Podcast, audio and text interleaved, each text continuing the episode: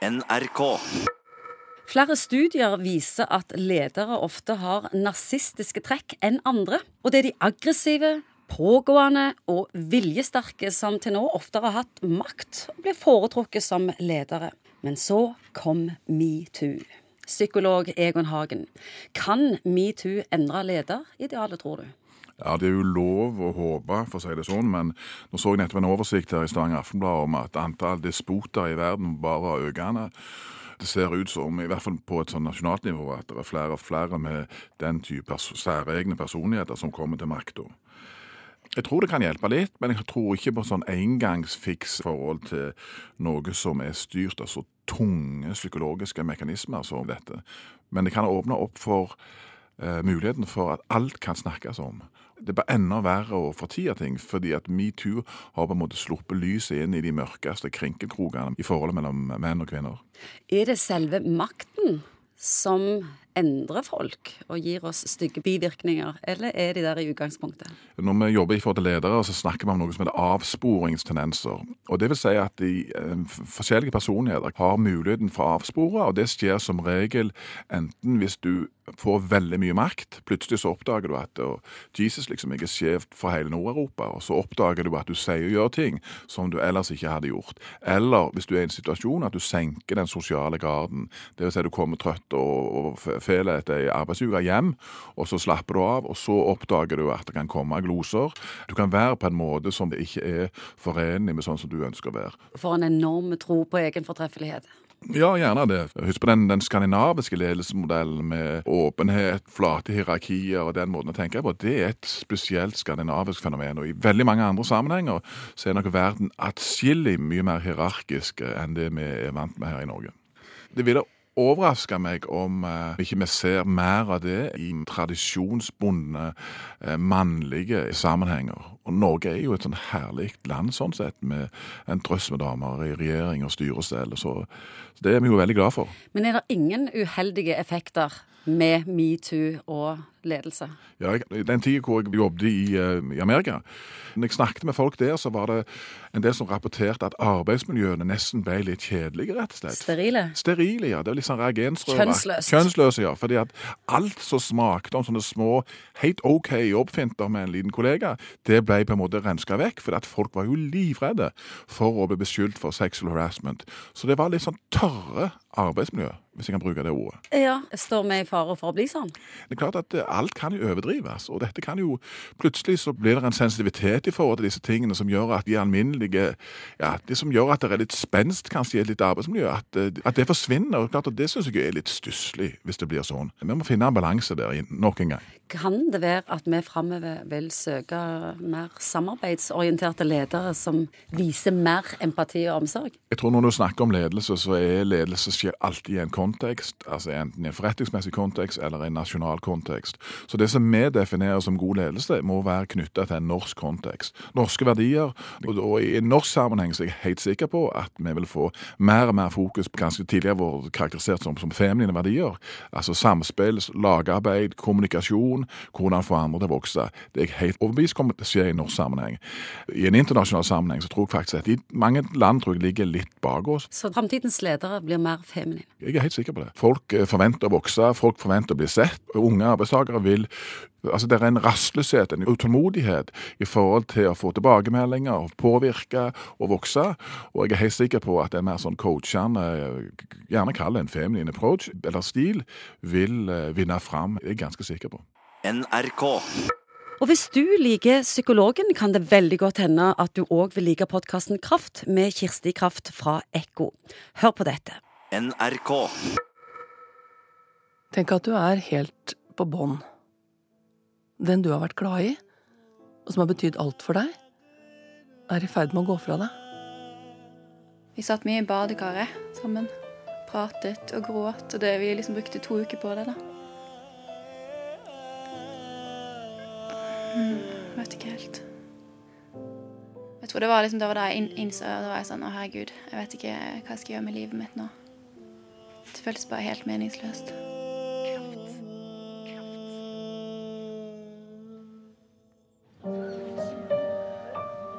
Men denne kraftepisoden starter et helt annet sted, for uh, For noen dager siden så var jeg på en jazzkonsert.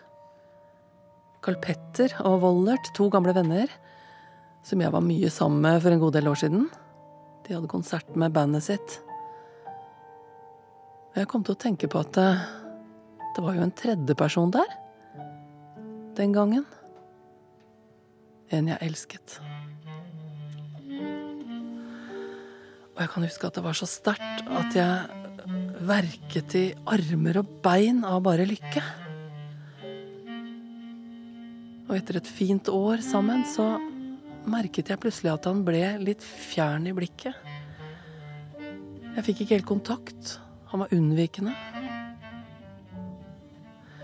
Og så fortalte en venn av meg at den mannen jeg elsket, han var blitt sett på Karl Johan sammen med en annen hånd i hånd. Jeg kunne tenkt inni meg og sagt høyt at han var en drittsekk. Men jeg klarte det ikke. Jeg ringte en terapeut. Jeg ble liggende på en blå madrass på Sankt Halvards plass hver torsdag et halvt år for å grine hver torsdag. Da var det ikke flere tårer igjen. De spiller så fint, og det vekker så mange følelser. Men dette er veldig lenge siden. Og jeg tror han det gjaldt, han flyttet langt vekk. Ut av landet, kanskje. Dagen etter så satt jeg på en kafé og kom over en avisartikkel fra Vårt Land om en ung kvinne. En uh, forfatter, hun var 27 år. Og det det sto om, handlet om livet hennes, ikke om en bok hun hadde skrevet. Hun het Ingvild Lote, og først så kjente jeg meg utrolig igjen. Men så ble det ganske skremmende. Jeg tror egentlig det var ganske tidlig. Det var, eh, det var når vi flyttet sammen i Oslo, tror jeg. Mm. Hva skjedde da? Vet ikke, han Han, eh, han jobbet jo for det første i en, i en bar, da. Som jeg syntes var utrolig slitsomt, fordi Fordi jeg var litt, er litt sånn engstelig om nettene fra før. Så jeg visste aldri når han kom hjem. Og der tror jeg bare vi er sånn eh, fundamentalt forskjellige. Han er veldig sånn happy go lucky. Jeg har ikke hatt et sånt forhold før han heller, da, så jeg visste jo ikke helt hvordan det Jeg har bare sett mye på fransk film. Skjønner du? Jeg tror nok jeg er litt romantisk. Det var ikke så veldig synlig, tror jeg, men jeg, jeg vet ikke. Jeg ville liksom bare være en veldig god kjæreste, da. Og jeg tenker det tror jeg ikke er så sunt i et forhold, for da kan man også miste seg selv litt. Gjorde du det? Jeg tror det. Jeg følte Jo, jeg tror det. Det var liksom Veldig mange ting jeg lot være å gjøre fordi jeg prioriterte andre ting, da. For hans del.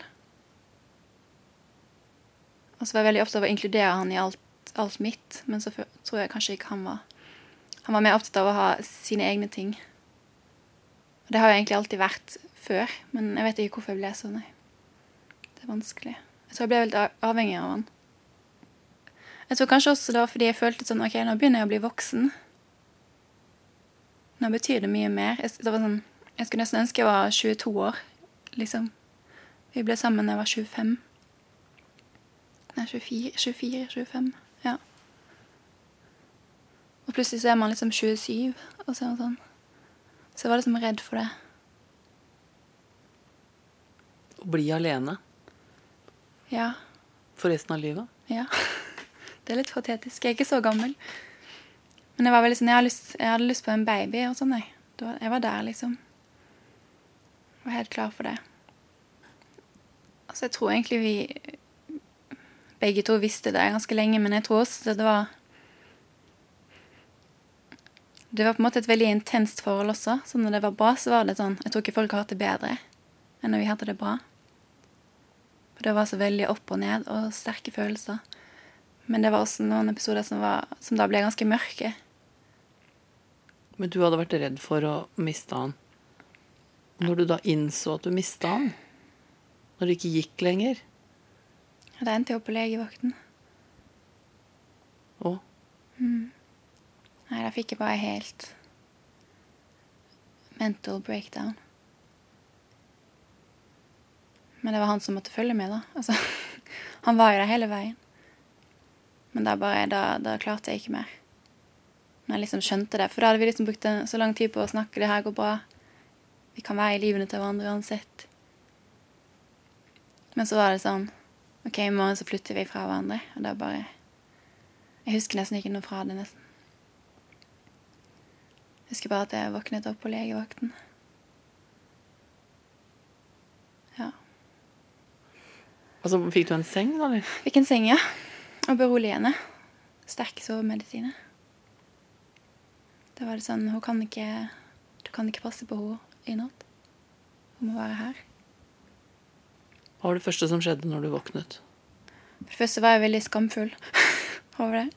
Um, Over å våkne der? ja. Altså, jeg husket jo Jeg husket liksom at jeg hadde vært helt sånn panisk, og at vi hadde kommet dit. Men jeg skammet meg veldig. Jeg følte meg veldig liten. Og så snakket jeg med en veldig hyggelig legedame. Jeg vet ikke. Jeg tror hun hadde sett veldig mye, så hun, hun syntes ikke det var så ille, da. Hvor du var flau? Ja, jeg var så flau. Ja. Jeg blir ganske flau når jeg tenker på det nå. Hvorfor det? Jeg vet ikke.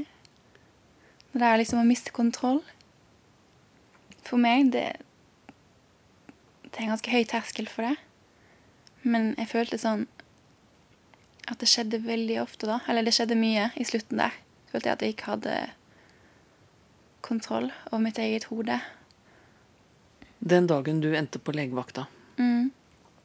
gjorde du det fordi at eh, det var en fare for at du kunne ta ditt liv? Jeg tror de tenkte det, ja. Jeg tror det. Tenkte du på det? Ja, det tror jeg. Det går jo ikke an. Så, det var så egentlig så sa de du kan bare gå hjem og så bare ta deg et bad og så bare sove. Og så fikk jeg noen sovetabletter. Jeg visste ikke at man kunne bli, bli gal av sånt. For det var det du følte du ble? Jeg følte det. Jeg var sånn, det her går ikke an. Altså. Det er ganske stygt når det er på legevakten. Det er litt sånn Det lukter veldig rart. Det er hvitt. Veldig kaldt. Og så har du sånn her Våknet opp sånn her sykehustrøye. Og da føler man seg ikke helt kul. Da var jeg sånn Det her, nå, nå kan det ikke gå verre, tenkte jeg da. Det var egentlig, og så begynte jeg å le. Husker jeg når jeg gikk hjem, så kjøpte jeg noen sigaretter. Jeg røyker ikke så mye. Jeg bare gikk og satt meg på benk og bare røyket mange sigaretter. Og så fikk jeg veldig vondt i halsen, og så begynte jeg å le av meg selv. Og så gikk jeg hjem og la meg.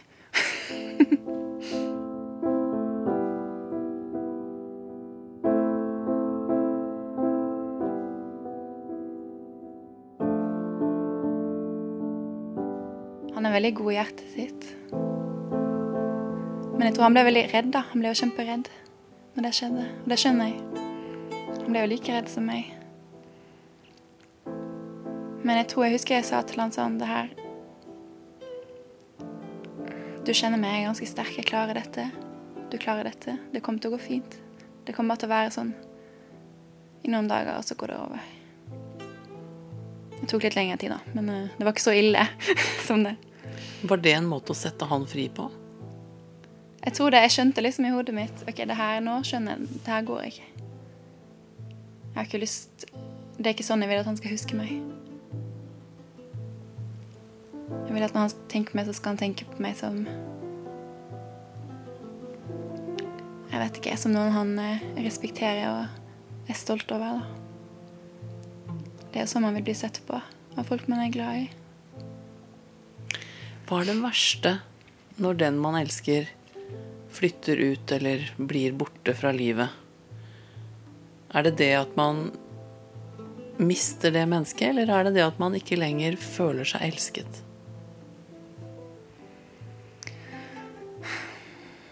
Jeg tror det er, det er nok begge deler, men for min del så ble det veldig mye sånn selvhat i det. At jeg tenkte sånn ja, selvfølgelig kunne han ikke elske meg. Jeg er jo helt idiot. Altså. Du begynner å analysere det, så er det veldig mye, da. Og tenke på alt du skulle gjort annerledes. Og bare sånn Jeg skulle ikke ha reagert på den måten. Jeg skulle ha Men når man er oppi det, så klarer man jo ikke å reflektere over det. Så jeg synes kanskje nesten det Hvis jeg skal si at jeg savner han nå, så tror jeg jeg savner mer de samtalene. Og den interne humoren vi hadde, og at vi kunne diskutere ting. Det er ikke så lett å finne noen som liksom forstår deg.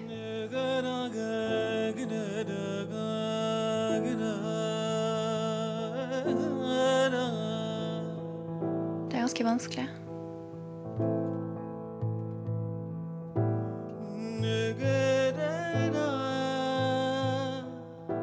For det første så følte jeg meg sånn helt, helt tom. Og Og så satt jeg veldig mye sånn med telefonen og ventet på at han skulle sende melding til meg. eller et eller annet. Men jeg var veldig sånn bestemt på at jeg skal ikke gjøre det. Um, så skjønte jeg at det ikke kom til å skje, da. Nei, hva gjorde jeg da? Jeg vet ikke. Jeg var ikke mye sosial, i alle fall. Sånn Jeg prøvde jo egentlig bare å få dagene til å gå litt fort. Hvordan gjorde du det, da? Det var det jo eksempel å eh, ignorere alt som betyr noe. Se på sånne eh, dårlige serier på Netflix, sånne helt hjernedøde ting. Bare sånn ikke følge med på noen ting. Bare for timen skulle gå? Ja, og prøve å sove. Jeg lå liksom i sengen min i to måneder, tror jeg. Og bare gikk på do. Jeg dusjet sånn nesten ikke. Jeg var så Ja, jeg vet ikke. Jeg er veldig glad for at det, det var veldig få som så det. ja. Så var det liksom det Jeg spiste ikke. Hadde ikke matlyst. Jeg var sånn, Hver gang jeg skulle prøve å spise, så ble jeg så kvalm. Men jeg klarte ikke å svelge det. liksom... Jeg kjøpte rødvin. Jeg drakk masse rødvin. Det var jo ikke bra. Men da sov jeg litt lettere. Jeg vet ikke. Jeg, jeg følte meg helt sånn her det det var en sorgprosess, tror jeg. Det var derfor det heter kjærlighetssorg. Det var veldig intenst. Intenst? Det var intenst, for det var en ganske hardt arbeid. Bare det å prøve liksom å ignorere sine egne følelser. Og prøve å stenge alt ute. Og det er ganske vanskelig, faktisk. Og så var det jo liksom midt på sommeren, så det er jo liksom solen liksom lyser inn vinduet. og og man burde jo egentlig bare gå og bade. Og drikke øl i en park med noen venner. Men det orket jeg jo ikke. Så ja. Hvorfor orket du ikke å være sammen med noen? Jeg tror nok det går litt på sånn min egen stolthet. At eh, jeg er ikke så veldig glad i å vise svakheter. Jeg har ikke lyst til at vennene mine skulle se meg sånn. Men eh, ja, men jeg følte meg så patetisk. Jeg visste ikke at eh, jeg kunne være så svak, da. Var du skuffet over deg sjøl? Veldig. Veldig skuffet. Og liksom Hvorfor det? Nei, fordi Det var jo det jeg sa om sånn kjærlighetsmusikklåt og sånn. Jeg har alltid tenkt sånn Å, gud, det her er så patetisk. Jeg har alltid sett på den typen sorg som en sånn her ting som Ja, det her kommer du over, liksom. Det er ikke så farlig. Ingen har dødd, eller det er ingen som har voldtatt deg eller slått deg, eller altså Det her går bra. Så alltid liksom ja, Jeg har ikke tenkt at det var noe som angikk meg, da, de følelsene. Jeg har tenkt at jeg har, jeg har, jeg har opplevd verre ting enn dette. Men så Det var liksom som en sånn knyttneve. Og jeg fikk veldig vondt i kroppen. Sånn hele kroppen verket. Det skjønte jeg jo ingenting av. Sånn, her, sånn type gangsperr. Jeg bare har ikke vært ute på en uke. Jeg kan jo ikke ha gangsperr. Jeg skjønner ikke hvor det kommer fra. Så jeg tror sånn ja, jeg tror hodet og kroppen samarbeider veldig bra på den måten. Men eh, Ja, sånn var det ganske lenge, og, og da Og jeg jobber jo liksom frilans, da. Sånn, jeg må jo si ja til ting. Hvis jeg blir invitert på ting. Til slutt så var det liksom Da det hopet seg opp i mailinnboksen min, og jeg hadde ikke betalt regningene mine, og Til slutt så bare tenkte jeg sånn Jeg går ikke lenger. Når du begynte å kjenne at du begynte å bli ferdig, Mm. hvordan merka du det? Altså, jeg begynte jo veldig smått. og Jeg begynte sånn, ok, I dag er jeg faktisk nødt til å vaske klær. Jeg har ikke flere rene truser. Jeg er nødt til å faktisk eh, spise denne appelsinen. Altså, det begynte veldig sånn, så Da begynte jeg med den almanakken min igjen, da, som jeg fører veldig systematisk. Med en veldig sånn små oppgave til meg selv. I dag skal du svare på tre mail. og Du skal og Til slutt så ble det mye lettere. Det ble lettere og lettere. Da haket jeg det ut. Og så etter hvert så ble det jo så skjønte jeg sånn at ja, men det her går jo egentlig ganske greit. Jeg klarer jo dette. Og det er jo sånne ting som man ikke tenke over at det er noe problem når man har det helt greit, da. Um, så begynte jeg bare etter hvert å komme litt sånn mer à jour med teamplanen min og Jeg vet ikke. Og da, føl, og da føler man seg jo igjen litt flink, og da får man jo litt bedre selvtillit igjen. Når man kjenner at man takler en hverdag. Og så begynte du å gå ut. Ja, bare sånn si ja til å bli med på ting. Ehm, altså det første var jo sånn ringe en venninne og spørre sånn Kan vi ta en kaffe? Liksom bare sitte og prate. Så det begynte jo veldig sånn smått, da. Bare sånn Bare det å sminke seg, da. Og vaske håret og kle seg litt pent, ha på litt høye sko. Sånne ting som det. Kanskje kjøpe seg en ny kjole. Ja. Gjorde du det uten glede da? Bare fordi du visste du måtte? Nei, det var litt mer sånn på faen. Det var sånn Jeg skal ikke forfalle. Jeg er bare 27 år. det var også litt sånn Jeg merket sånn Og så husker jeg jeg tok bussen. Jeg skulle møte eh, en venninne av meg på Litteraturhuset. Bare drikke et glass hvitvin eller noe sånt. Husker ikke helt. Og så bare husker jeg sånn at det var en mann som så veldig på meg på bussen og smilte veldig. og da husker jeg ble sånn ah, OK. Dette klarer jeg. Det går bra. Og da ble jeg sånn Ja, jeg skal faen meg vise jeg skal faen meg vise verden at jeg kan, eh, kan klare dette. Så da var jeg veldig sånn Å, kan vi ikke gå ut på byen i kveld og snakke litt med noen kjekke menn? Selv om jeg ikke var interessert i Jeg var ikke noe interessert i noe mer. Jeg ville bare ha litt bekreftelse.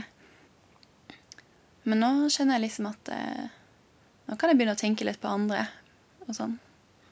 Og det er litt deilig. Og også det å innse at at vi ikke var rett for hverandre som kjærester.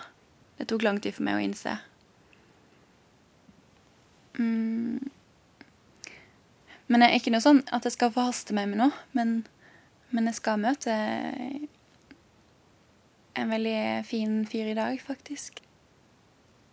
Man må gå videre. Man må det. Jeg tror man må det.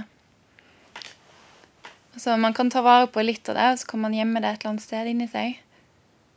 Sånn som man gjør med alle ting man har mistet. Hvis du mister noen du er glad i, så de forsvinner jo aldri, men du, du er nødt til å lære deg å leve med det, og uten det. da. Det tror jeg du bare er nødt til for å fungere. Og for, også for å kunne gå videre, så er du nødt til å legge ting bak deg. Og man klarer jo det. Mennesket er jo fantastisk. Vi klarer det jo. Hvis vi bare tør å kjenne på den smerten, da. Mennesket er fantastisk. Vi klarer å gå videre. Jeg heter Kirsti Kraft. Konsulent er Hege Dahl. Og hvis du vil skrive til Kraftredaksjonen, så er adressen kraft. Krøllalfa. nrk.no.